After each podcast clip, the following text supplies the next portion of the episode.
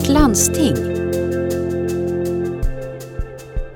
Nya läkemedel når inte vården. Nya läkemedel som tas fram ersätter i regel gamla. Men vid myelom kommer det nu nya läkemedel som staplas ovanpå de gamla för största möjliga effekt. Det gör behandlingen kostsam och än finns ingen lösning för hur finansieringen ska gå till. Forskningen inom cancer går snabbt framåt. Framstegen leder till nya och bättre behandlingar. Men medan nya behandlingar förr ersatte äldre insatser bygger de nya innovationerna allt oftare på att flera olika läkemedel kombineras för att uppnå största möjliga effekt av behandlingen. Vid vissa typer av blodcancer, som exempelvis myelom, kommer nu nya läkemedel som bygger på att de tas i kombination med redan befintliga mediciner. Men om de verkligen kommer att nå patienterna är ännu oklart. Problemet är att samhället satt upp normer för hur dyrt ett läkemedel får vara. Nu har vi hamnat i ett akut läge där det finns nya läkemedel mot myelom, men det finns inte ekonomiskt utrymme att ta in dem i behandlingen, konstaterar Nils Wilking, docent vid Karolinska institutet och strategisk rådgivare till Region Skåne. I Sverige baseras gränsen för vad ett läkemedel får kosta på en beräkning av vad det tillför i form av ökad livslängd och livskvalitet. Maxbeloppet per patient och diagnos ligger på cirka en miljon kronor per kvalitetsbaserat överlevnadsår. Men vid kombinationsbehandlingar uppstår ibland lägen då det inte går att få behandlingen kostnadseffektiv, ens om det nya läkemedlet vore gratis. Om det nya läkemedlet B bygger på att man även ger det sedan tidigare godkända läkemedlet A, så ökar användningen av läkemedel A. Kostnaden för både läkemedel A och B kan då överskrida gränsen för vad landstingen är beredda att betala. Beräkningsmodellerna är inte anpassade efter hur läkemedel ska staplas på varandra och jag tycker att det behövs en diskussion på politisk nivå om hur det ska hanteras, säger Nils Wilking. Han har i flera års tid arbetat med att kartlägga cancervården i Europa i samarbete med Institutet för hälsoekonomi, IHE, i Lund. Han kan konstatera att problemet inte är unikt för Sverige.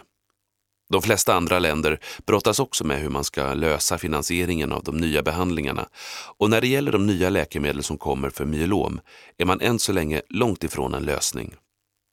En del försök har dock gjorts, bland annat i Schweiz där det pågår en pilotstudie för hur kombinationsläkemedlen ska kunna värderas och prissättas.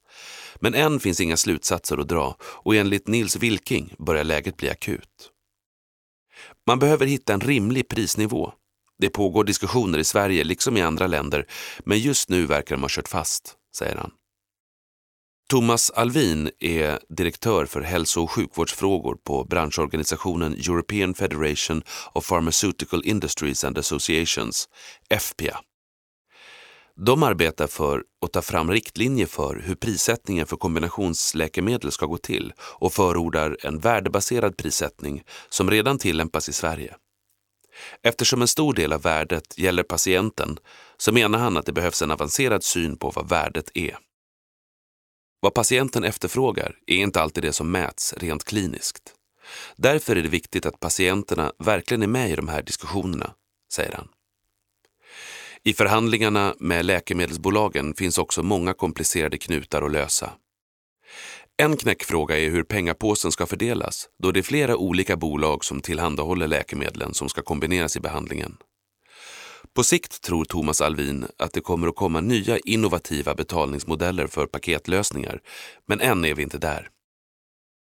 På Tandvårds och läkemedelsförmånsverket, TLV, konstaterar chefsfarmaceuten Niklas Hedberg att priserna är ett problem och att det vore beklagligt om det ska komma till att läkare Thomas Alvin tvingas säga nej till myelompatienter av ekonomiska skäl.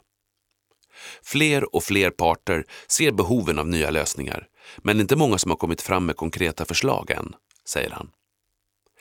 I debatten kritiseras läkemedelsbolagen ofta för att begära för mycket betalt. Särskilt livlig är diskussionen i länder som USA där patienterna står för en större del av läkemedelskostnaden. Niklas Hedberg konstaterar att det finns studier som pekar på att totalkostnaden för att få fram ett nytt läkemedel ökat, men att det för en utomstående är svårt att granska läkemedelsbolagens argument och kostnadsberäkningar. Det finns studier som visar att priset läkemedelsföretagen begär har ökat kontinuerligt, både per produkt och per vunnen effekt översatt till levnadsår, säger han. För att nå en lösning efterlyser Niklas Hedberg en öppen och förtroendefull diskussion där alla parter försöker närma sig varandra. Han jämför med när det kom nya läkemedel mot hepatit C, då parterna från början stod långt ifrån varandra men möttes i trepartsförhandlingar och så småningom lyckades enas om ett avtal. Har ni en sådan dialog idag? Det finns en förståelse för att det är dit vi ska nå. Men det är väldigt tidigt än, så det är svårt att säga något, säger han.